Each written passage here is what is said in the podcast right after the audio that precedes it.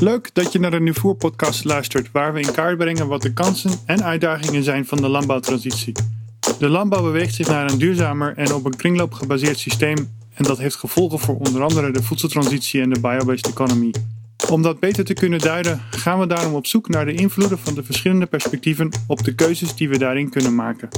We nodigen iedere keer een bekende en onbekende pionier uit om samen met ons dit te verkennen. Wat speelt er? Hoe werken de dingen? Welke andere perspectieven zijn er?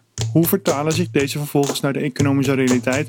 En misschien nog wel belangrijker, welke kijk heeft deze pionier hier zelf op? Het zijn al met al verhelderende, leerzame gesprekken die meer licht zullen laten schijnen op de wereld van natuurwetenschappen en het ondernemerschap.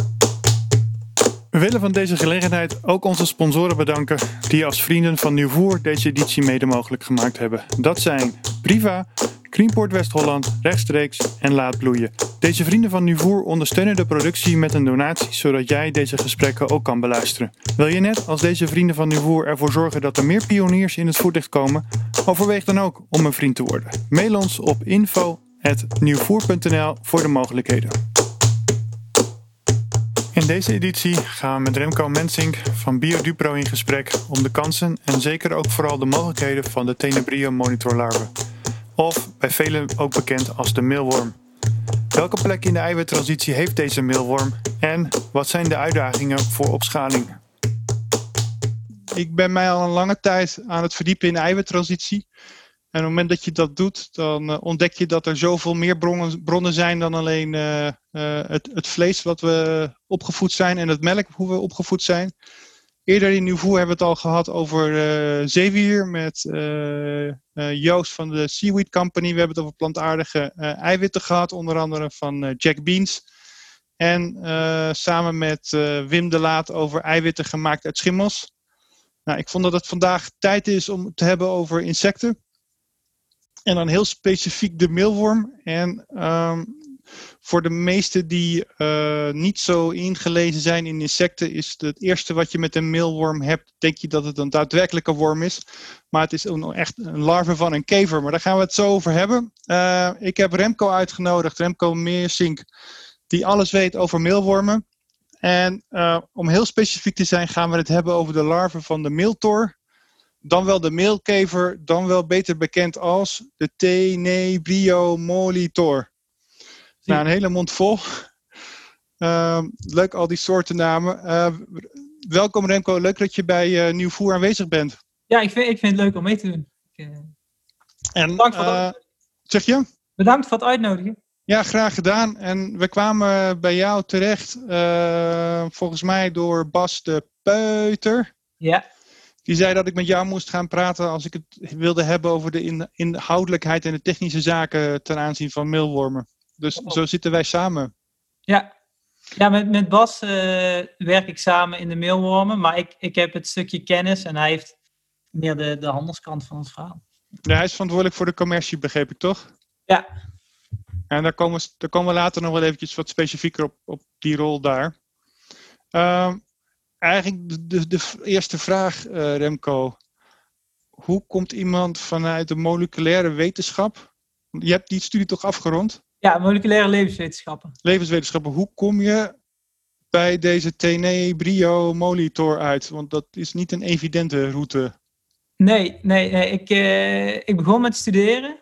En toen wist ik eigenlijk al dat ik iets voor mezelf wou gaan doen, maar ik, ik wist nooit wat. Mm -hmm. uh, en toen in het derde jaar kon je je specialiseren, specialiseren. Toen heb ik een stukje ondernemerschap gedaan en uh, klimaatverandering. Dat, dat zat samen in een minor. Mm -hmm toen wou ik daar eigenlijk niet direct iets mee gaan doen. Toen ben ik op een gegeven moment uh, was ik klaar. Toen wou ik iets voor mezelf gaan doen. En toen na een jaar wat, wat andere dingen proberen, kwam ik ineens met, met die eiwittransitie. En toen dacht ik, hey, dit haakt wel weer een beetje aan op mijn studie. En dit komt toch weer dichterbij bij waar ik een beetje verstand van heb. Met biologie en scheikunde en hoe zo'n beestje groeit. En dat, dat vond ik eigenlijk heel snel heel leuk. En toen ben ik me daarin gaan verdiepen. En van het een kwam het ander. Nee, maar je, je had ook kunnen kiezen voor Black Soldier Flies. Of voor uh, krekels of sprinkhanen of ik weet niet wat je nog meer hebt. Ja, uh, je hebt in de, de paar grote zijn dus meelwormen, krekels of Black Soldier Flies. Mm -hmm. De eerste de drie die je tegenkomt.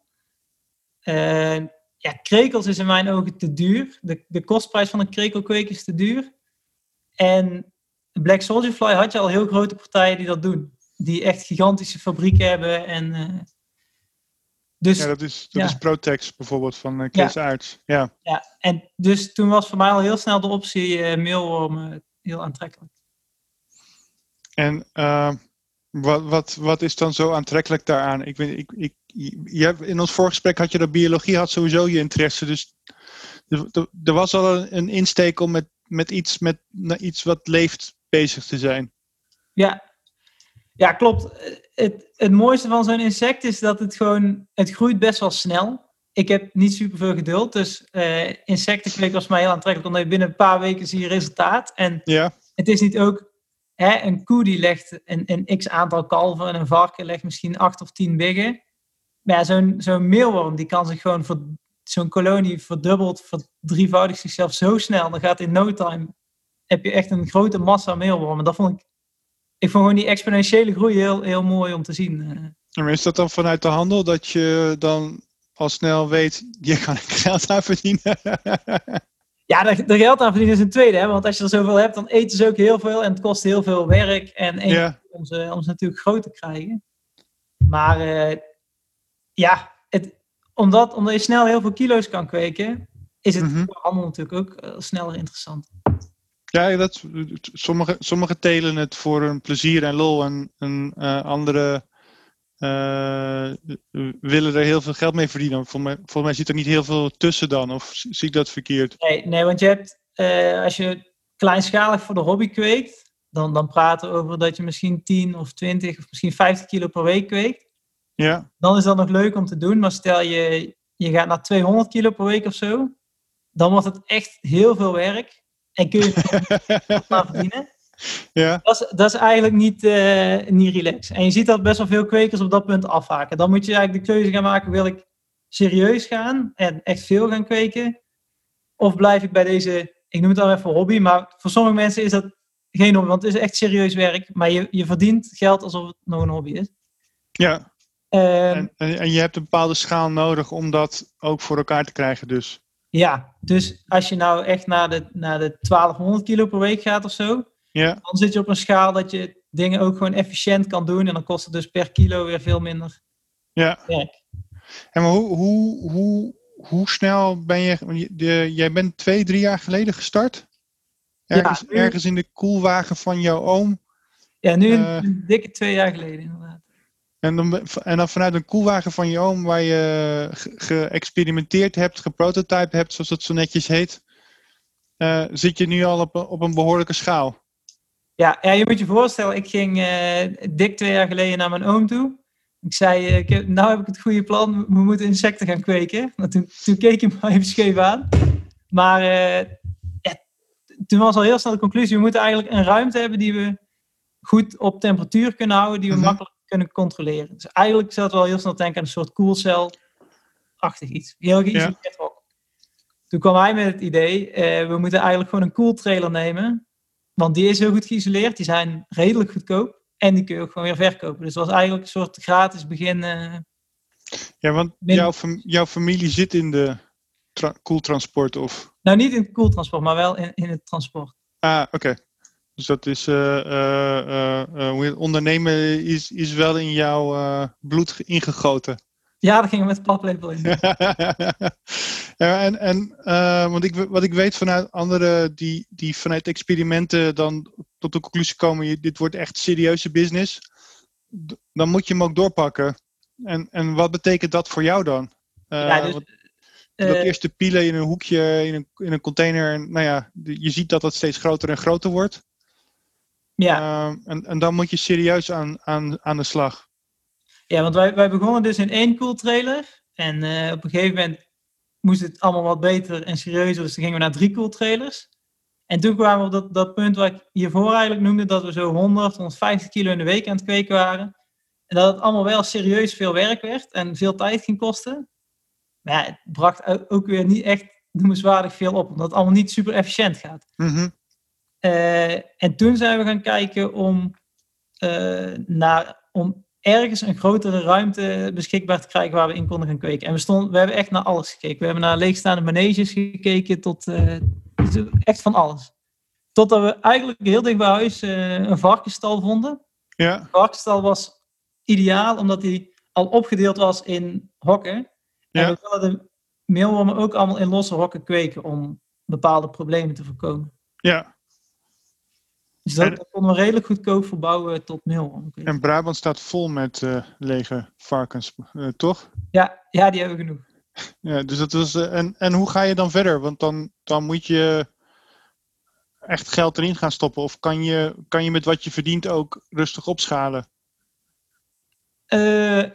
ja, die varkensstal verbouwen, dat, dat is natuurlijk relatief goedkoop, maar het kost alsnog best wel veel geld. En dus ik had het geluk dat mijn oom uh, een stukje mee erin geïnvesteerd heeft.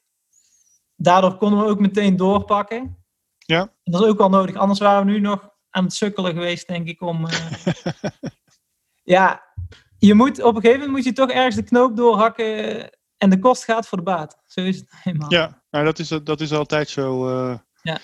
Hey, en uh, voordat ik uh, er dieper op ga inga, wie is Remco eigenlijk? Want Middelbeers, volgens mij ben je 26 jaar oud, als ik het een beetje goed gerekend heb. 25. 25. kan je iets over jezelf vertellen? Hoe, hoe, hoe, waar komt het ondernemerschap vandaan en, en wat drijft je op dit moment? Poeh, wat lastig. Uh, ik kom dus uit Middelbeers.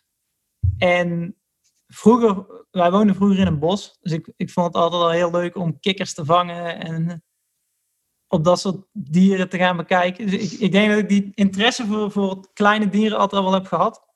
Alleen rond de middelbare school was het toch wel een beetje verwaterd. Uh, toen ben ik op een gegeven moment, uh, heb ik de HAVO gedaan, afgemaakt, ben ik naar Nijmegen gegaan, want ik wou heel graag weg uit Brabant. Ik, vond, ik wou overal studeren, behalve dicht bij huis. ging ik naar Nijmegen. En toen, uh, na een jaartje HBO, dacht ik, HBO is leuk, maar ik, ik had de, de punten toen, toen kon je nog overstappen naar de Unie. Ik geloof dat het nu niet meer kan. Maar toen ben ik naar de Unie gegaan en daar ben ik eigenlijk wel uh, alweer snel tot de conclusie gekomen dat ik niet iets super theoretisch zou gaan doen in een heel groot bedrijf, maar dat ik ook wel echt voor mezelf wou beginnen. Uh, en nu ben ik ook opgegroeid in een familie waar uh, heel veel mensen voor zichzelf bezig zijn. Dus dat is vanuit vroeger al, vond ik dat ook wel interessant natuurlijk. Ja, een eigen baas zijn.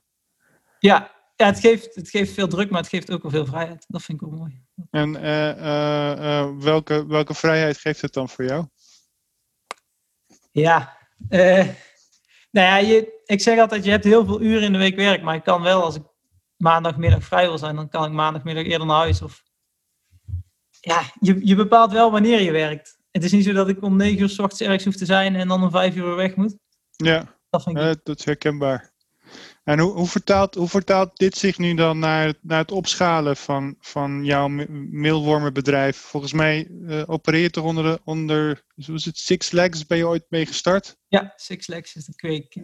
Kweek. En hoe, hoe schaal je nu op? Wat, uh, laat ik zeggen, wat heb je nodig om een meelworm, dus de larven van de tenen, brio, monitor, happy te houden en te kunnen telen? Want ik, ik weet niet heel veel wat die beesten nodig hebben.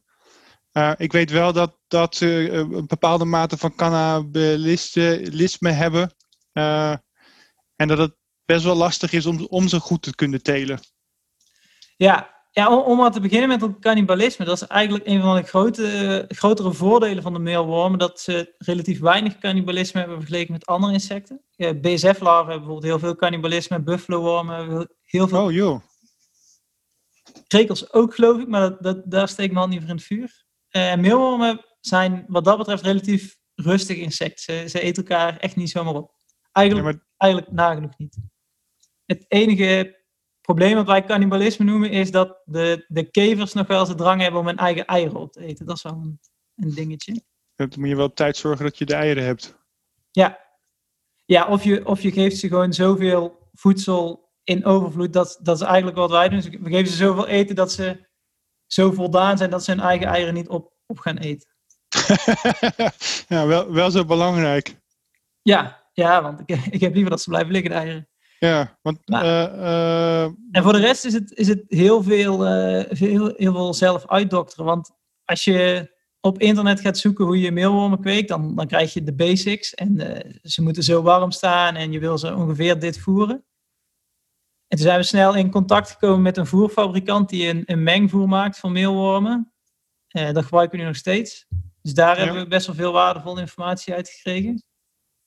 En voor de rest is het ook gewoon heel veel doen en leren en dingen fout doen.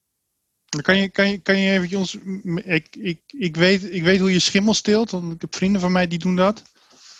Ik ben ooit binnen geweest bij de Black Soldier Flies, maar de, de- hoe ze dat doen, en dan ben ik larven gaan tellen. Omdat Ze moesten weten hoe, wat de survival rate was van, van eitjes naar larven.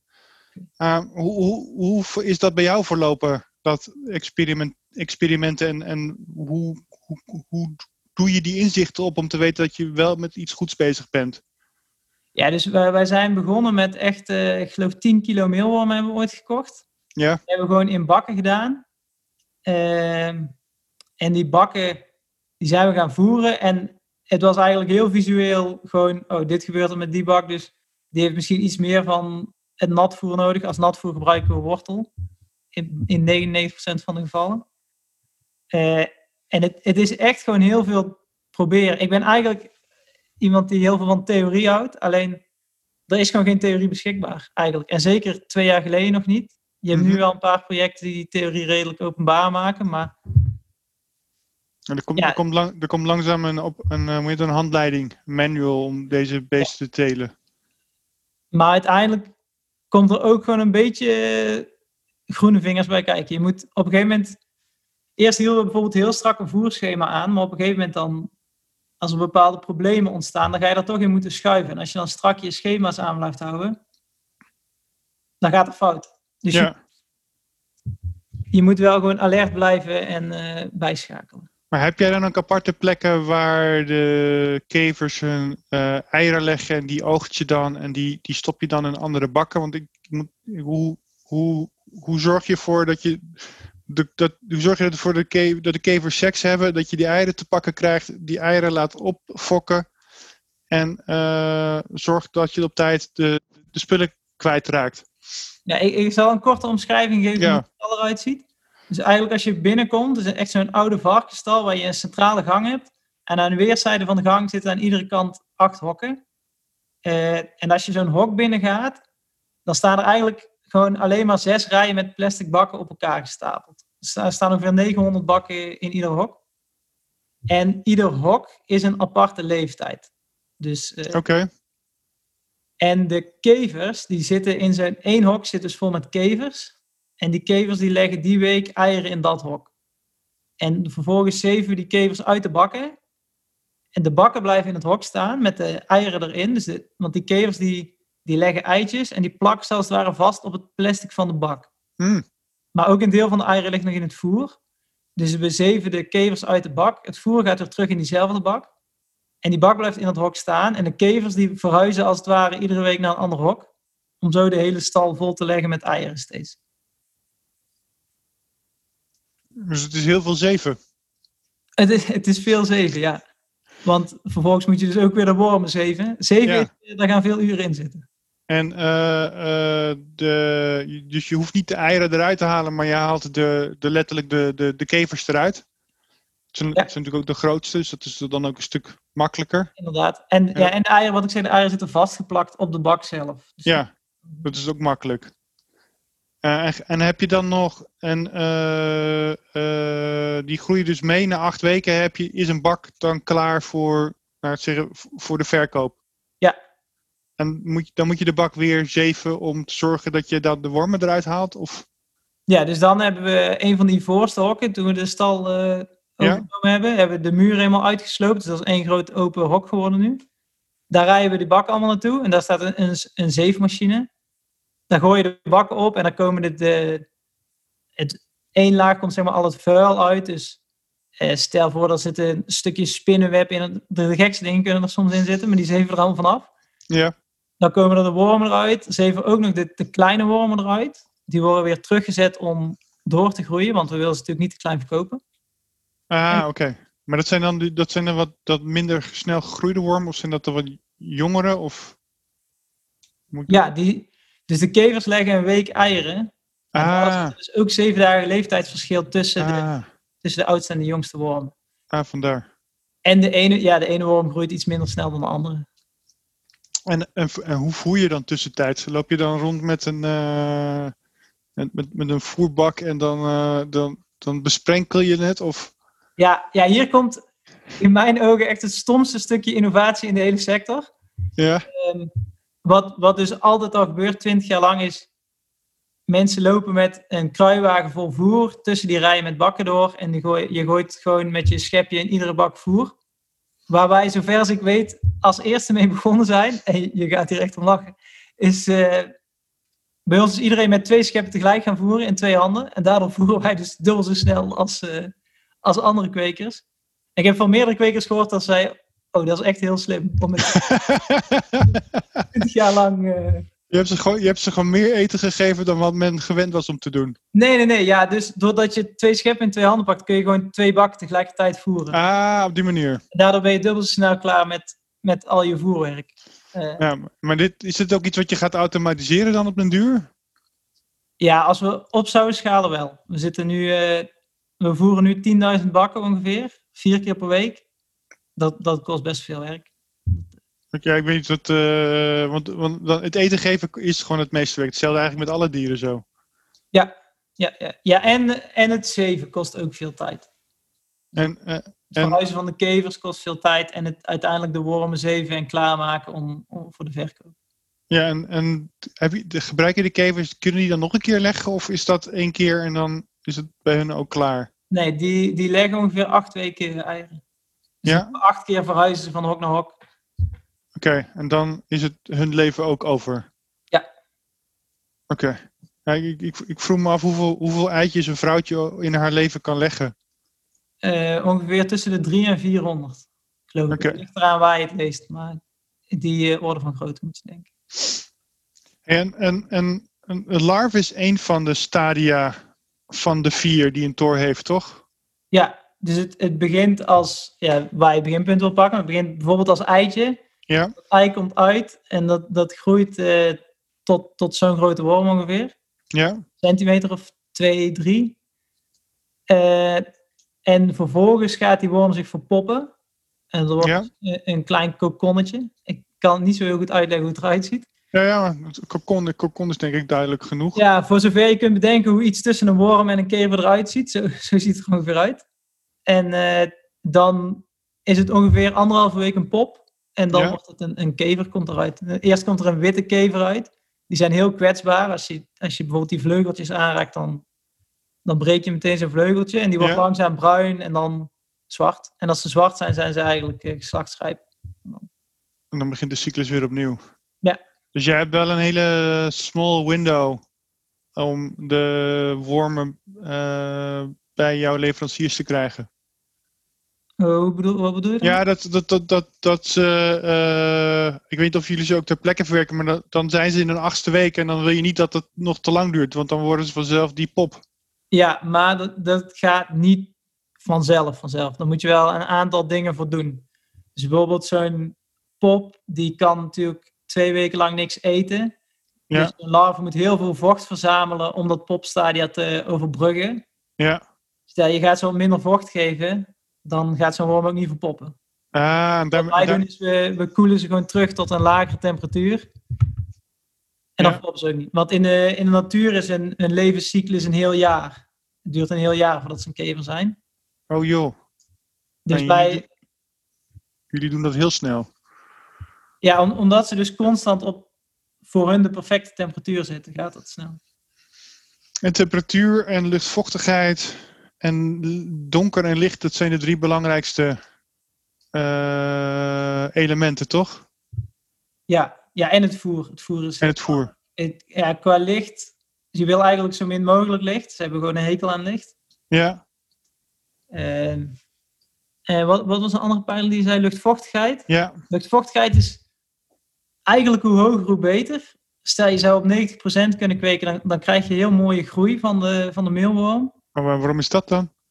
Ja, dat, dat zijn de omstandigheden waar ze best bij groeien. Oké. Wortelmaat. Alleen wij doen dat niet. We kweken bij, bij 65, 70 procent.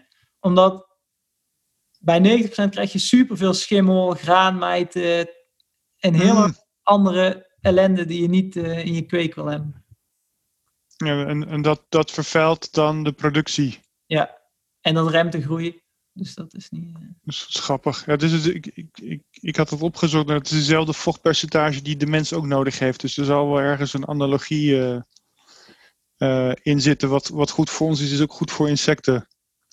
Ja. Hey, en wat eten ze? want ze, het zijn vooral planteters, toch? Ja, klopt. Waar ze dus vroeger veel gevo- gevonden werden, is daarmee heet het eh, meelwormen. Ze, ze werden veel in graanvoorraad ge- gevonden. Ja. Eh, en van oudsher worden meelwormen ook gekweekt op tarwezemelen. Dus die, die vliesjes van de tarweplant. Ja. En wij zijn nu, wij zitten nu op een mengvoer, dus daar zit veel meer in. Het is ook iets duurder, maar daar groeien ze wel sneller op. Maar uiteindelijk wil je natuurlijk wel weer een beetje afbouwen naar, naar basismaterialen, want dan, dan kom je in het stukje circulaire landbouw. Want jullie geven nu dat, dat op zit krachtvoer dan. Want dat is, Ja. dat, dat, dat is wat ik daar dan uit Ja. hoor. En daarbij bij het krachtvoer krijgen ze ook eh, nog een grote hoeveelheid wortel. Die wortel krijgen we uit de fabriek. Dat is echt restproduct. Dat is, eh, ja, de koppen noemen ze dat. Dus het stukje groen wat erop zit. Ja. En dat bovenste stukje wortel wat ze afsnijden. Eh, die krijgen wij binnen en die gooien we door een grote takkenhakselaar. Dus er komt een soort van hele kleine vlokjes wortel uit. En die voeren we ook. En dat krijgen ze echt best wel veel, want dat is hun enige vochtbron. Ja, maar, en ze gebruiken ze dan wel de inhoudstoffen van de wortel? Ja, eh, maar wortel heeft relatief weinig eh, voedingswaarde. Ja. Oh ja, ieder- iedereen vertelt ons dat we wortelen moeten eten voor onze ogen. ja, die wormen zitten alleen maar in het donker, dus die hebben niet zoveel in de ogen. Dat, eh, ja, dat is ook zo. Ja, ja. Nee, de wortel, ik geloof dat een wortel 93 of 95 procent water is. Dus ja, dan ja. groot stil Oh joh, water. het is net als de komkommer. Ja. Dat is een... eh, eh, grappig, ik ga, daar, ga ik daar nog eens een keer op uitzoeken. Want ik, dat, dan zijn we eigenlijk water aan het eten in plaats van echte inhoudstoffen die we nodig hebben. Ja, er zitten ongetwijfeld ook nog vitamines en dergelijke in. Dat, Ja. En ehm, even kijken, want in het Engels heet de Tor, de Darkling Beetle. Weet jij waar dat, is dat, weet jij waar dat vandaan komt? ik, heb, ik heb me laten vertellen, omdat ze dus echt op zoek zijn naar donkere plekken. Als je ze, bij zo'n spreken, op je bureau laat vallen, dan sprinten ze meteen weg naar de, naar de schaduw of naar een donker plekje en dan gaan ze daar stilzitten. Zo, dus zowel de larven als eh, de Tor zelf, de, de volwassen vorm, die, die willen eigenlijk alleen maar in het donker zitten. Ja, vooral de tor, de larve, die, kan, die blijft nog wel een beetje in het licht, vooral als daar nog wat eten is.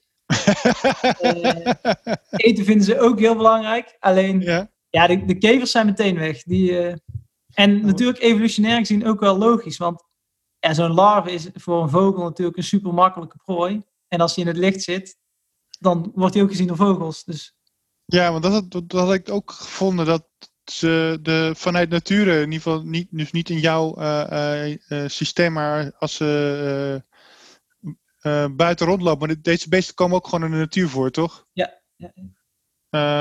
En dan is dat een snoep voor de vogels. Dat is denk ik ook gewoon de functie van een, van een larf. ja, ja kijk, zo'n zo'n kever legt 300 eieren. Ja, En uiteindelijk blijven we ongeveer evenveel kevers houden. Dus een groot deel van die eieren wordt gewoon opgegeten door vogels. en, en we- en weet jij waar ze in de natuur voorkomen van nature? Ik heb het toevallig laatst opgezocht. eh, want ze, ze komen door heel Europa en Amerika voor. Ja, Men verwacht dat ze zijn ontstaan bij het Middellandse zeegebied. En Ja. daar in de, in, de, gewoon in de handel en zo mee zijn gekomen in graanvoorraden en dergelijke. Door heel Europa en Amerika. De, de, de graanschuur van de, midden, van, van de Middellandse Zee is hun oorspronkelijke thuisplek. Ja, maar ik, ik kan er ook nooit heel veel informatie over vinden waar ze nu... eh, Ja, interessant. Ja, dat zijn altijd vragen waar ik altijd nieuwsgierig naar ben. Waar, waar, waar komen ze vandaan? En inmiddels weten we dat, wat was het nou? Eh, dat eh, ze hebben, zijn ze al nu vlooien aan het uitzetten op de Japanse duizendknoop, omdat blijkbaar de enige natuurlijke vijand is. Dus die, alle, alle dieren, insecten, planten, die eh, zijn toch al de wereld aan het rondzwerven door, dankzij ons. Dus Ja. dat, is, dat is een logisch gevolg van. En ehm, wat ik er nieuwsgierig naar ben, ik denk dat de meesten ook, is, eh, want jij, je BV is Six Legs, jij werkt in Bio Dupro. Eh, de, was het biologische Dutch Protein? Ja, Dat is het productiebedrijf, of wat is, het, wat is die, die entiteit? ja, dus ik ben zelf begonnen met Six Legs BV. Ja, Daarin worden de wormen gekweekt. Eh, vervolgens ben ik eigenlijk benaderd door Bas, Bas de Peuter, waar we het in het begin ook over hadden. ja, En Bas zei tegen mij, Remco, we moeten samen die meelwormen in de markt gaan zetten, want daar zit de toekomst. Eh, maar daar moet, daar moet een stukje structuur in komen eigenlijk in die markt, want het is nu één groot wilde westen. En toen zijn wij samen begonnen met BioDupro, ja, eh, om die, die handel beter te structureren. Dus we, ik begeleid ook eh, op het moment één kweker, en dat worden later denk ik wel meer. Eh, daarvan nemen wij ook de wormen af. En we kopen ook nog van externe kwekers de wormen in. Om een beetje massa en structuur in die markt te krijgen. Want anders gaat iedereen elkaar alleen maar onderbieden. En ja. ja. dan, dan maken we elkaar, dan concurreren we elkaar de markt uit. Dat is niet, ja. ja dat, dat, dat, dat, we weten hoe waar dat naartoe leidt. Dat is niet best. Dat is niet, en, en, en, en zorg je daar ook mee dat jullie elkaar steelt gaan standaardiseren en eh, ook helpt met, met, met het inkoop van voer? Ja, dat, want dat is nu ook een ding. Eh, er zit heel veel kwaliteitsverschil in de meelwormen. Als je bijvoorbeeld Oh. een meelworm hebt eh, Ja. en je geeft die in de laatste week relatief weinig droogvoer en heel veel vocht, dan worden ze veel donkerder qua kleur, want ze eten heel veel kleurstof van de wortel op. Ja, En zo gauw als je ze eh, afgezeefd hebt en verkoopt, dan verliezen ze heel snel gewicht. Dus de ene meelworm die kan eh, makkelijk 15%, 20% gewicht verliezen in de eerste week, terwijl de andere meelworm bijna geen gewicht verliest. En als je Oh, echt een serieuze mar- markt op wil bouwen ja, en je praat over grote hoeveelheden, ja, dan kun je niet de ene keer 10% verliezen aan gewicht en de andere keer niet. ja ten, ten, tenzij je daarvoor eh, dat het je businessmodel is, lijkt het zo zeggen dat dat Ja. vooraf afgesproken is. En dat, het kan wel, maar dan moet het wel gestandardiseerd zijn. Moet Ja. altijd. Want, eh, want ik kwam ook ergens een artikel tegen. en, eh, eh, voor mij is het een heel nieuwe sector, Remco.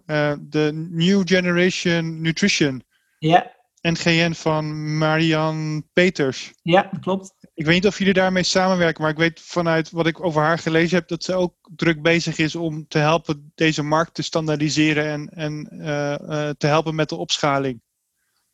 Ja, we zijn op, op het begin eh, met hun begonnen eigenlijk. Ook een stukje advies van hun ingekocht destijds. Ja, toen we die, die stap hebben gemaakt om op te gaan schalen, zijn we ermee gestopt. Omdat we, ik, ik had het idee dat, ik het, zelf, dat het zelf ook wel lukte. kan Eh, het veel beter, ja, nee, helder. ja, dat, wil- dat wil ik niet zeggen. Maar eh, destijds dacht ik, ja, komt wel goed. ja, Eh, want ik, ik was het ook met sommige van hun ideeën gewoon echt niet eens. ja, Eh, nou, hun, hun wakkeren wel heel erg de, de sector aan. Soms, Ja, dat- soms liggen de belangen van hun net iets anders dan bij de kwekers. Maar eh, Ja, ja, maar dat is denk ik wat, wat, wat normaal daarin is. Want eh, als je kijkt naar de andere eh, sectoren ten aanzien van eiwitten, heb je daar ook eh, ja, diegene die, die het slimste de technologie aan elkaar weet vast te knopen, die krijgt het businessmodel rond. En dat, en dat is gewoon voor iedereen een uitdaging van hoe, hoe je wat doet. en hoe je, je je automatisering gaat organiseren. Ja. Dat, zal, dat zal bij jullie in de mailwormer business ook zo zijn, denk ik. ja, op het moment is het niet per se zo, omdat we, eh, we zitten vooral tegen het limiet aan qua volume. We, we kunnen niet echt meer produceren. Er wordt in Nederland op het moment zoveel geproduceerd dat er eigenlijk te weinig afzet is. Oké, Dus de, de technologie in het produceren zelf, daar is niet, niet echt vraag naar. Als we, als wij morgen dubbel zoveel moeten gaan produceren, dan, dan kan dat gewoon. Dat is niet, niet het probleem op het moment. oké, maar dat is interessant. later misschien wel, als de sector groeit. Eh, Ja. Maar ja, Hoe- hoeveel groei zit er dan nog in? Want je, je, zegt, je zegt dat er nu eh, gewoon te veel meelwormen worden aangeboden voor de, voor de vraag. ja. ja je hebt, eh kort door de bocht eigenlijk drie, drie afzetkanalen. Je hebt voor menselijke consumptie, voor petfood, dus voor, voor huisdieren, Ja, en voor feed, dus voor vee wat, wat ook echt in de landbouw zit, zeg maar, wat, me- wat mensen weer op gaan eten. ja.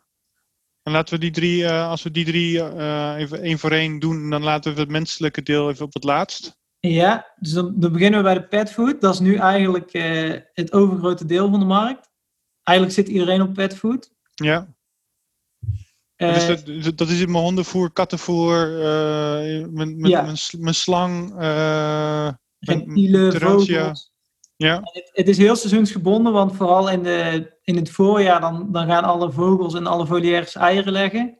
En op dat moment wil iedereen heel veel meelwormen voeren. ja, Dus in, de, in het voorjaar is de vraag best wel hoog. En je ziet nu, eh, zo op het eind van de zomer zakt die vraag ook weer redelijk in. oh joh. Oké, waar- dus daar, daar heb je dan ook mee te maken met z'n allen. Ja, ja, ja. ja, het overgrote deel gaat echt naar vogels. En dan, maar dan, dan als levend voer of als vermalen of als olie of hoe? Levend, levend. Want je moet je voorstellen, die eh, mensen die meelwormen voeren zijn meestal fanatieke vogelhouders. Die, die willen het beste voor een vogel. En Ja.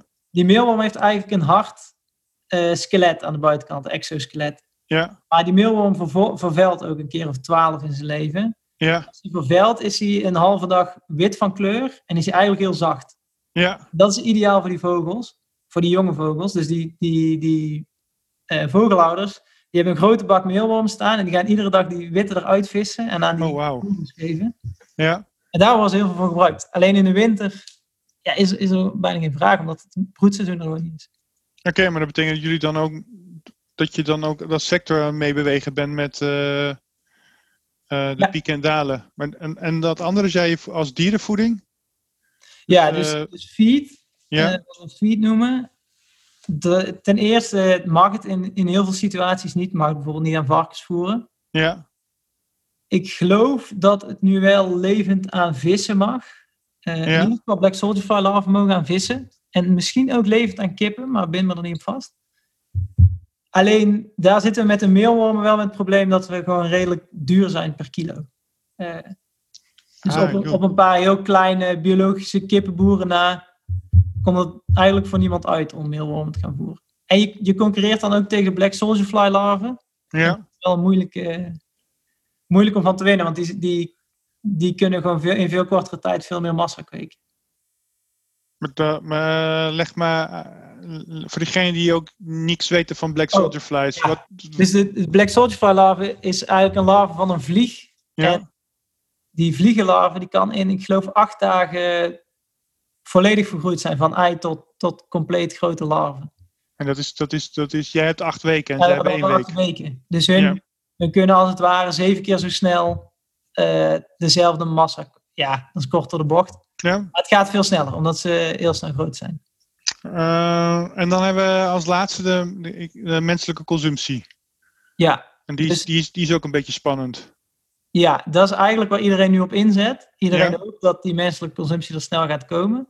Ja, Waar we nu vooral op vasthangen is een stukje wet en regelgeving. Dus eh, iemand die nu met een product wil beginnen waar meelwormen in zitten, die, die komt eigenlijk in een heel groot grijs speelveld terecht. Waardoor heel veel mensen zoiets hebben van ja, ik kijk nog even de kat uit de boom. Totdat het, eh, want jij noemde, jij noemde een paar voorbeelden. Want eventjes voor iedereen. eh, de Novel Food Wet, daar hebben we het dan over. Ja, Die is in 2018 eh, effectief geworden. klopt. En de aanjager daarvan was onder andere de gekke koeienziekte. Eh, want we gaven eh, koeien aan koeien. Wat toen niet slim was. Of we waren. maar dat- dit stukje gaat nog over feed, dat van die gekke koeienziekte. Ah, oké. die twee dingen moeten we even gescheiden houden. Dus de non-food dossiers zijn voor menselijke consumptie. Ja, Dat gaat over etenswaren die voor 1975 of zo nog niet gebruikelijk waren in Europa en die dan hier ingevoerd worden. ja, Die moeten nog via een non-food dossier eh, komen die op de markt. En dat stukje gekke koeienziekte is voor feed. Dat je geen dierlijk eiwit mag voeren aan eh, landbouwdieren, aan vee. Ja. Oké, en, voor, en voor die laatste is het raar, want dieren eten altijd al insecten, maar nu is die wetgeving die, Ja. die vindt een insect ook een dier, terwijl een insect een heel aparte plek heeft binnen de dierenrijkdom. Ja, en, en ongetwijfeld moet het natuurlijk onderzocht worden of een, of een varken ook gewoon eh, grote hoeveelheden insecten kan eten, in plaats Ja. van af en toe een keer een beestje mee eten. Ja, ja, Maar ik denk dat dat gaat werken. Kijk, een kip eet natuurlijk heel veel insecten. Die, eh, ja, daarom. Ja. Maar dat is, eh, maar dat is wel, even goed, wel goed dat je het zegt. Want zeker in de feed, daar wil men graag in volume en massa gaan. En te veel is nooit goed. Eh, Ja. Het moet altijd uitgebalanceerd zijn. En voor die eh, menselijke consumptie, eh, volgens mij had Lidl had een pilot gedraaid met meelwormen. Klopt. En ik geloof ook krekels. eh, Maar die, en die hadden ze wel letterlijk in de, in de winkels liggen. Dus die zaten daar in een heel groot, klein, grijs gebied het gewoon maar gaan doen. Ja, ik denk het wel. Ik weet natuurlijk niet precies hoe de Lidl dat invliegt, maar eh, ja, er rust ook wel een stukje gedoogbeleid op. Oké, Dus nou, dat is... eh, die novel food dossiers, Ja, voor zover ik het begrijp, eh, die zijn aangevraagd door bedrijven, maar die zijn nog niet goedgekeurd. Maar zolang dat eten op de markt komt, waar wel een dossier voor is aangevraagd, wordt het gedoogd. Zo moet je het zien, geloof ik. ja en, en, en daarmee is er dus ruimte om te, een soort te piloten en, on, en naar onderzoek te doen naar hun effecten daarvan. Ja, maar het, het lastige aan die hele situatie is, die novel food dossiers is voor, voor heel veel mensen niet super helder hoe dat nu werkt. Je, je hoort, voor mij is het niet echt helder. En als ik er met verschillende mensen over praat, dan hebben ze ook verschillende uitleggen van eh, hoe dat Ja, dat is een, het is een vak apart. Ja. Eh, eh, dat, maar dat hoor ik ook van meerdere die aan het pionieren zijn in deze hoek. Ja. Het is, eh, ze hebben het leven zuur gemaakt voor nieuwe eiwitintroducties. Ja. En eh, dat zal vanuit bepaalde partijen wel een, een doel hebben gehad om dat zo, eh, eh, zo af te bakenen, laat ik het zo stellen. Want volgens mij hebben we nu, eh, wat was het? Melk, melk mag je niet meer noemen voor eh, eh, haver, havermelk, maar je mag nu gelukkig wel nog vega-burgers en, en eh, krekelburgers noemen. Dus daar hebben we op zich ook wel weer gewonnen bij de Europese Unie nu. Ehm, wat, en, en, en ik kwam er nog achter, ehm levend mag je wel doen, verwerken mag je niet doen en olie mag je wel doen. Ja, dat is maar ook eh, niet helemaal helder hoe, dat werkt. Dat- Dat Ik denk dat je, dat je dan olie weer kan zien als een soort grondstof. ja, maar Maar, dat is niet verwerkt, maar dan wel als soort van eruit geperst. Ja, vond hem erg interessant. Maar wat jij zegt, dan zie je dus dat heel veel dingen gewoon nog niet duidelijk gedefinieerd zijn in de wet en regelgeving. En men heeft voor insecten volgens mij ook helemaal geen, eh, geen definities eh, Nee, als je- in de wetgeving. Een grappig voorbeeld is bijvoorbeeld als je ze echt biologisch wil kweken met de, met de stempel biologisch. Ja, dan moeten ze bijvoorbeeld ook een x aantal uren daglicht krijgen. Je dat is- verteld dat dat wilden ze helemaal niet. Dat is niet. eh, nee, maar dat geldt dan eigenlijk alleen maar voor eh, runderen en vee dan. ja, Eh. met- ja, onder die regels vallen we af en toe, of vaak eigenlijk wel gewoon. Ja, dat is wel grappig. Nou, we hebben iemand van Bionext hier zitten. Michael Wilde is eh, vertegenwoordiger van de biologische sector. Dus misschien dat jullie daar nog eens eventjes een robbertje over kunnen uitwisselen. hoe dat dan wel kan. Ehm,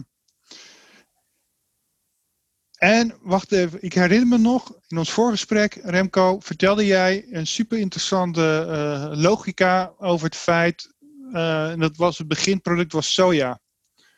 We voeren nu soja aan eh, koeien voor hun, om, hun, om daar volume vlees uit te halen. Ja, Maar soja aan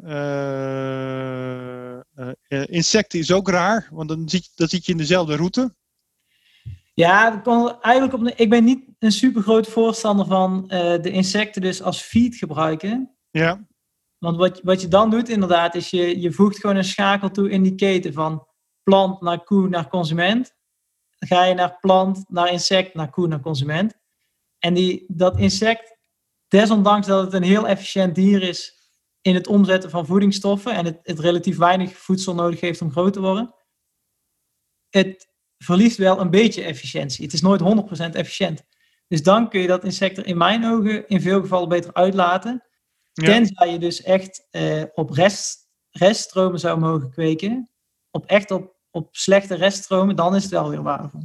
ja maar dan gaan we straks de, oerwou- de oerwouden toch weer omkappen om al onze, al onze wereldwijde insecten te voederen. Dat is eigenlijk wat je zegt.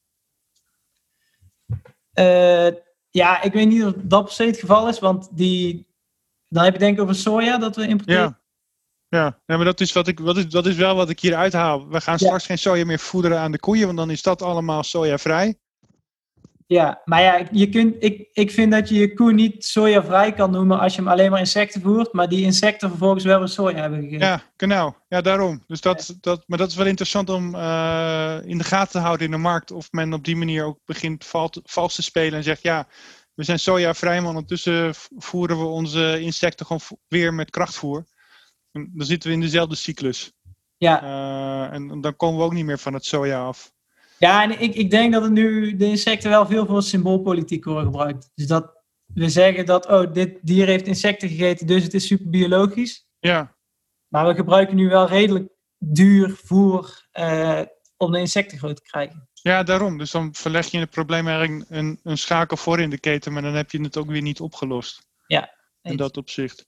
Hey, en, als je, en als je een kilo meelworm vergelijkt met een kilo rund, uh, dan had ik van jullie website afgehaald. 18 vierkante meter heb je nodig voor 1 kilo meelworm. En je hebt 200 vierkante meter nodig voor een koe.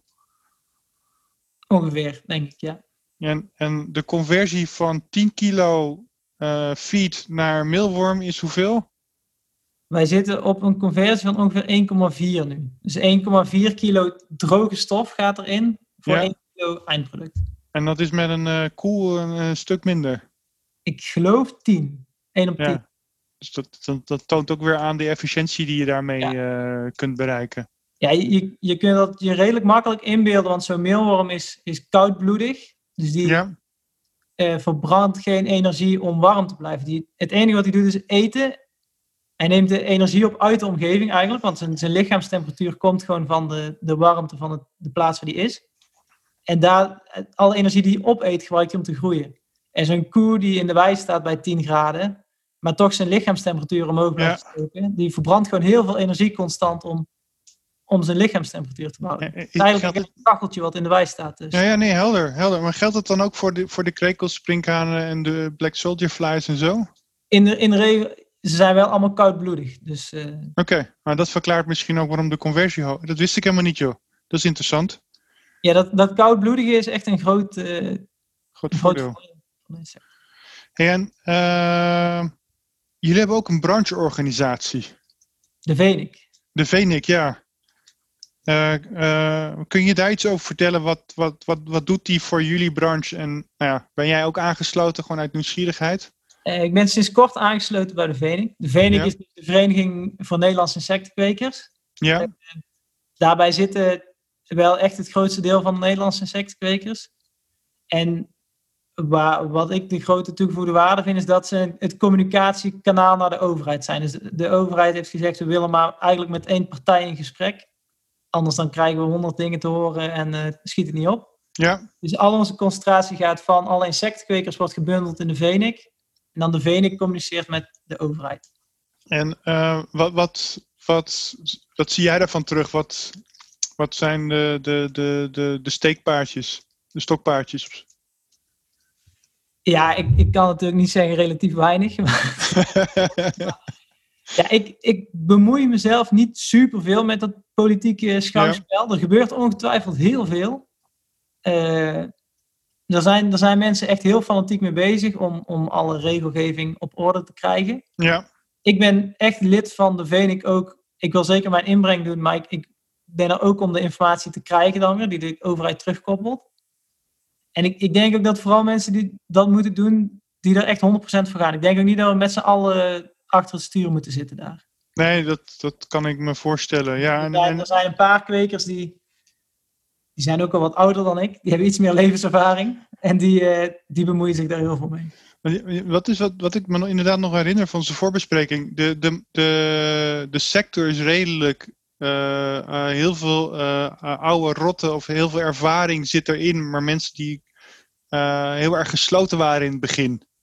En om, het, om het te leren moest je het allemaal zelf doen. Zie, zie je dat nu door de jaren heen aan het veranderen? Dat er veel meer openheid is en, en, en met z'n allen ook geprobeerd wordt om dit een volwassen industrie van te maken? Ja, dus als je echt teruggaat in de tijd naar een jaar of twintig geleden, dan waren er twee of drie grote meelwormkwekers. Ja. Eh, en dat, die waren heel gesloten, want die verdienden daar natuurlijk hun brood mee en die wouden geen concurrenten. Dus als ze al drie gewoon hun mond dicht hielden, dan kwamen er geen nieuwe meelwormenkwekers. Nu sinds kort is dat hele stukje eiwittransitie hip geworden en is eigenlijk die humane kant erbij gekomen. En vooral door partijen zoals NGN, die heel erg die sector aanwaaien, er komt er best wel veel kennis vrij. Mhm. NGN verkoopt natuurlijk gewoon eh, een stukje van die kennis. En daardoor beginnen best wel veel mensen. Mensen worden ook enthousiast gemaakt om te beginnen met kweken. En dat, is- en dan, dan wordt deze sector gewoon een stukje, stukje bij beter volwassener. Ja, de keerzijde is, eh, is alleen dat er nu heel veel mensen bijkomen. Ja, Maar eigenlijk te vol zitten. Er zijn te veel kwekers nu. ja. Maar zie je dat nu ook dat de prijs onder druk staat? Ja, absoluut. Ja. Want Zeker jou- nu, eh, nu het seizoen afloopt. Ja, Er zijn veel beginnende kwekers eh, die dit jaar opgezet zijn in de zomer. Want in de zomer is het altijd, het, is, het is hollen en stilstaande markt. En in de zomer is het echt hollen. Dan word je de hele dag platgebeld omdat mensen extra wormen willen kopen. ja, Maar zo gauw, en, dan- en dan beginnen dus ook heel veel mensen met kweken. En mensen gaan opschalen, want eh, het zijn eh, gouden tijden. Maar zo gauw als het einde van de zomer komt, dan is nog niemand echt aan het afschalen. En je moet je voorstellen, eh, je moet tien weken van tevoren beginnen met afschalen. Want je moet al tien weken terug je kevers minder eieren laten leggen. Om daar na tien weken resultaat van te zien. Dus wat er gebeurt is in die, die maanden dat de vraag al heel hard gaat zakken, blijft het aanbod eigenlijk gewoon gelijk. En dan, dan krijg je de paniek van mensen die blijven zitten met meelwormen, die gaan rondbellen. ja. En die gaan de meelwormen voor dumprijzen aanbieden. En dan, dan begint de chaos. Dan, dan Ja, nou ja, maar dat is ook, maar zo, zo kan je, zo kan je, zo kan je een, een jonge industrie natuurlijk ook weer kapot maken. Ja. Eh, want ik had ergens, want eh, ergens had jij genoemd eh, tussen de 3 en de 5 euro per kilo. Drie, is, drie is echt heel laag. Ik, de meeste zijn echt wel 4,5, te- tussen de 4,5 en 5 euro. Maar dat is dan, dat is dan, maar dat, die staat dus nu ook onder druk. Ja, wat er nu dus gebeurt is dat, dat mensen het echt voor veel minder, voor 3,5 of 3,25 per kilo aan gaan bieden.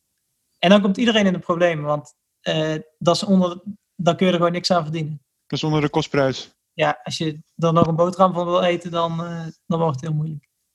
Hey, eh, maar als, als de, de andere twee routes opengebroken worden voor zowel de menselijke voeding als voor feedstock, ehm, dan komt jouw droom en ambitie dichterbij? Ja, als, eh, stel, stel je voor dat, dat we over vijf jaar dat mensen serieus gaan overwegen om insecten te eten. Vooral meelwormen dan in deze. Ja, En over 15 of 20 of misschien wel 25 jaar zien we het net als vis. Dat, dat sommige mensen één keer in de week of één keer in de twee weken een, een gerecht met wat insecten erin zouden eten. Als gewoon eiwitbron. Ja, ik zou dat wel heel vet vinden. en ben je, ben, word, je, word je dan een van de, laat ik zeggen, de, de top 10 van Nederland of de top 10 van de wereld als producent? Qua producent. Ja, Ja. Ik, ik ben even je ambities aan het zoeken. Oeh, ja, ik, ik hoop het natuurlijk wel, maar er zijn heel veel mensen die dat hopen op het moment. Nee, ik, we, zitten, eh, we zitten nu wel redelijk voorop in de race. We zitten wel in de kopgroep, dus Ja, maar je, want je zit ook wel bij een goede club volgens mij met eh eh, Bas de eh, Peuter. ja, ja daar, de- die heeft ongelooflijk veel ervaring. In de, die zit in de regenwormen Ja, al 30 jaar. Dus die heeft ongelooflijk veel ervaring in, de, in die handel. En de meelwormen komen in veel dingen wel overeen met eh, de regenwormen. Ja en eh, Dat- Een groot voordeel. ja. En onze, onze kweek loopt ook erg goed. Eh, Maar, maar wat doe je daarmee? Je, je hebt het eh, De efficiënt. opbrengst is best wel goed. Ja. Maar per bak komen er gewoon genoeg kilo's uit. Ja, De kwaliteit van de worm is mooi. Eh, dus dat valt niet, dat valt niet tegen. maar, kan je, je, maar je kan de, je- en je kan dus nu ook de kwaliteit van de worm met elkaar vergelijken, zoals je eerder al noemde. Dus de, de ene zijn gewoon minder goede wormen dan de andere. Een larva, als we het eventjes Ja, strikt houden. Ja. Wat heb jij eh, nog voor de, de, de nieuwe mensen die deze markt willen betreden? Heb je daar nog tips voor? Als, als, ervaren, als ervaren meelwormteler. hoe, als je echt meelwormen wil gaan kweken, eh, Ja. je- jezelf heel goed voorbereiden natuurlijk. Maar ook gewoon zeker op een bepaald punt gewoon beginnen en dingen proberen, dingen fout doen. Ook echt out of the box denken. Want Eh, de, de basic methode is al 30 jaar hetzelfde en ongetwijfeld doen we het over 10 jaar heel anders. Wij, wij proberen wekelijks de gekste dingen, maar soms dan, dan zit er ineens een heel positief resultaat bij. En zoals uh, met twee handen voederen in plaats van met één nou, hand. Dat, dat is in mijn hoofd heel logisch. Maar ik moet zeggen, ik, ik heb het niet eens zelf, uh, zelf verzonnen. Dit is een, een apart verhaal, want ik deed het dus ook met één schep. Ja. En uh, er werkte een meisje bij ons. En na, na twee weken vroeg ik me op een gegeven moment af van hoe is zij iedere keer zoveel sneller klaar dan ik. Was. Aan de rechterkant van de gang en zij aan de linkerkant. Was zoveel sneller klaar. En zij zei, ja, ik doe gewoon met twee scheppen. Ik zo, ah, dat is, wel, dat is logisch. uh, maar hoeveel man heb jij dan nu in dienst? Een jongen fulltime. Uh, en nog een stuk of zes jongens van 15, 16, 15, 16, zoiets. En die, ja, die verzetten stiekem ook wel echt veel werk. Zonder hun, uh, dat heb je wel echt nodig. En die, want die zitten dan in de, in de weekenden of, of door de week als bijbaantje? Die komen, sommigen komen op dinsdagavond of donderdagavond. Of veel op zaterdagochtend. Maar je, werkt, je merkt als je even met vijf man in die stal bent, dan kun je heel veel doen ineens.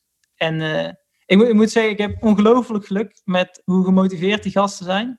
Ja. Dat scheelt echt heel veel. Ze werken nu ook allemaal al anderhalf jaar in de stal. Er is nog geen één uh, die meteen wegrent van alle insecten. Maar is dat, heeft dat te maken met, met de jonge generatie en de nut en noodzaak over de toekomst? En, en uh, er, er moet iets veranderen en dit is, dit is, dit is iets? Ja, ik zou, ik zou graag zeggen dat het zo was, maar ik, ja. ik denk het niet. Ik denk dat ze vooral heel, het wel gezellig vinden en dat we altijd heel harde muziek op hebben staan. En ik weet niet of ze per se bezig zijn met de wereld verbeteren. Uh, maar, wel, maar wel onder jouw bezielend leiderschap uh, meters maken. Ja, ja en er, er wordt gewoon vooruitgeboerd. We, we, zijn altijd bezig met dingen verbeteren en uh, ik denk dat, dat dat wel interessant blijft. En wie zijn, tot slot nog twee vragen. Wie zijn jouw idolen, voorbeelden? Oh, idolen.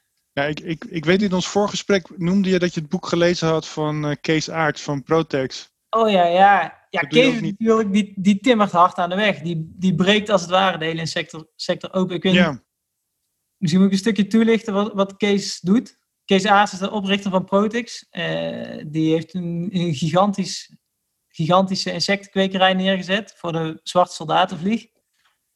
En daar zit, daar zit zoveel geld en mankracht achter, dat, dat, dat baant voor ons eigenlijk de weg. Het is bijna waar insecten en high-tech ongeveer bij elkaar komen. Ja, ja dat, is echt, uh, dat is echt de toekomst. Ja, en heb, heb je naast Kees nog een paar andere waar je zegt van joh, die moeten we volgen? Of de, waar, waar haal jij je inspiratie vandaan? Oeh, ja, nou, ik zeg. Uh, ik moet natuurlijk nu wel met iets goeds komen. Ja, ik weet niet of je, of je parkeert het eventjes en dan kom je straks ik, pak, bij. ik kom misschien daar nog wel terug. Ja. Um, even kijken of ik alles heb. Uh, ja, volgens mij heb ik alles. Het is. Uh, je bent mooie dingen bezig en er is nog heel veel te doen volgens mij. En ik hoop ook, maar dat is ook waar we wat je zelf ook zei, de omgevingsdienst en, en de mailwormentil, die moeten ook goed met elkaar gaan kletsen. Uh, ook vanuit de novelties en, en wat dan wel niet mag met reststromen. Uh, en je ziet dat wel landelijk gebeuren. Dus ik hoop ook van harte dat dat ook uh, gaat gebeuren. Dat we daar ook gewoon veel meer ruimte krijgen. Want er was hier, hier was een vraag ook eigenlijk daarin. In welke mate is de lokale overheid een partner of belemmering in de opschaling en verdere innovatie? Uh, wij zitten in de gemeente Oorschot. Ik denk dat je dat de gemeente bedoelt met lokale overheid, denk je? Ja, of provincie Noord-Brabant. Uh, Noord-Brabant is sowieso wat innovatiever dan, dan andere provincies in Nederland, merk ik. Ja, wij, wij hebben nooit echt contact, contact gehad met de provincie, maar de, de gemeente, moet ik zeggen, die werkt best wel mee. Die zijn redelijk, uh, redelijk soepel in hun, in hun beleid. Voor hen is het natuurlijk ook allemaal nieuw. Ja. We hebben ze heel vroeg gewoon uitgenodigd. Kom een keer kijken. Kom even ruiken of het stinkt. En uh, wat je, of het vies is. En, en stinkt het? Nee, als je de meelwormen goed kweekt, dan is het, is het vrij geurloos. Oké. Okay. En, en, en zie je ook dat ze jou ook echt aan het, aan het helpen zijn om, om je weg te vinden in, in de, het web van de wet en regelgeving? Wij krijgen geen actieve hulp van de gemeente, nee, dan niet. Oké. Maar het, het is misschien ook wel omdat ik er niet naar vraag hoor. Het is, eh, Nee, want je ziet, je ziet dat wel met heel veel partijen die, die met dit soort dingen doen, die zoeken wat actiever het op, ook om die omgevingsdienst mee te nemen. Joh, dit is allemaal nieuw. Je weet inmiddels ook al dat ze achterlopen met de wet en regelgeving. Uh, en dat is ook vaak de vraag die je vaak hoort. Ja, de omgevingsdiensten zijn niet aangesloten terwijl ze niet eens weten dat dit een probleem is. Ja. Dus ik denk dat van, vandaar dat deze vraag ook, uh, uh, ook vandaan komt. Ja, ja je hebt, ik, ik hoor wel van andere insectenkwekers bijvoorbeeld dat ze in een, in een wat conservatievere gemeente zitten. Ja. Gemeentes dus echt weert. Of in ieder geval heel veel informatie van tevoren willen hebben voordat ze mogen beginnen. Maar dat scheelt dus ook, dat is, dat is dus wel verschillend door heel Nederland of je uh, wat open-minded uh, ambtenaren tegenover je hebt zitten. Ja, ja ik, ik weet nog dat wij op het gemeentehuis waren en dat we zeiden, willen een insectenkwekerij daar neerzetten. Toen keken ze ons wel allemaal gek aan. Maar als je dan het, het innovatieve karakter benadrukt en uh, dat het ook wel mooi is voor de gemeente als er, als er echt een grote insectenkweek komt, een stukje eiwittransitie, een stukje innovatie, dat is voor zo'n gemeente natuurlijk ook wel een grote plus. Ja, maar daarmee heb je al, al, je publiciteit, want er zijn heel veel artikelen inmiddels al over jou geschreven. dus het zal daar ook aan bijgedragen hebben, denk ik dan. Ja, ja zo'n gemeente komt natuurlijk ook positief in het, uh, ja. in het daglicht. Hey, hartstikke goed, dank je Remco. En dat was het alweer voor deze editie. Dank voor het luisteren en ik hoop dat je het, net als ik, het weer een leerzame editie gevonden hebt. En vergeet natuurlijk ook niet onze podcast een beoordeling te geven als je enthousiast bent. Wil je ook de andere gesprekken terugkijken? Dan kan dat op nieuwvoer.nl, ons YouTube kanaal en natuurlijk ook jouw podcastplatform. We kijken ernaar uit je een volgende keer weer te mogen begroeten. Tot ziens!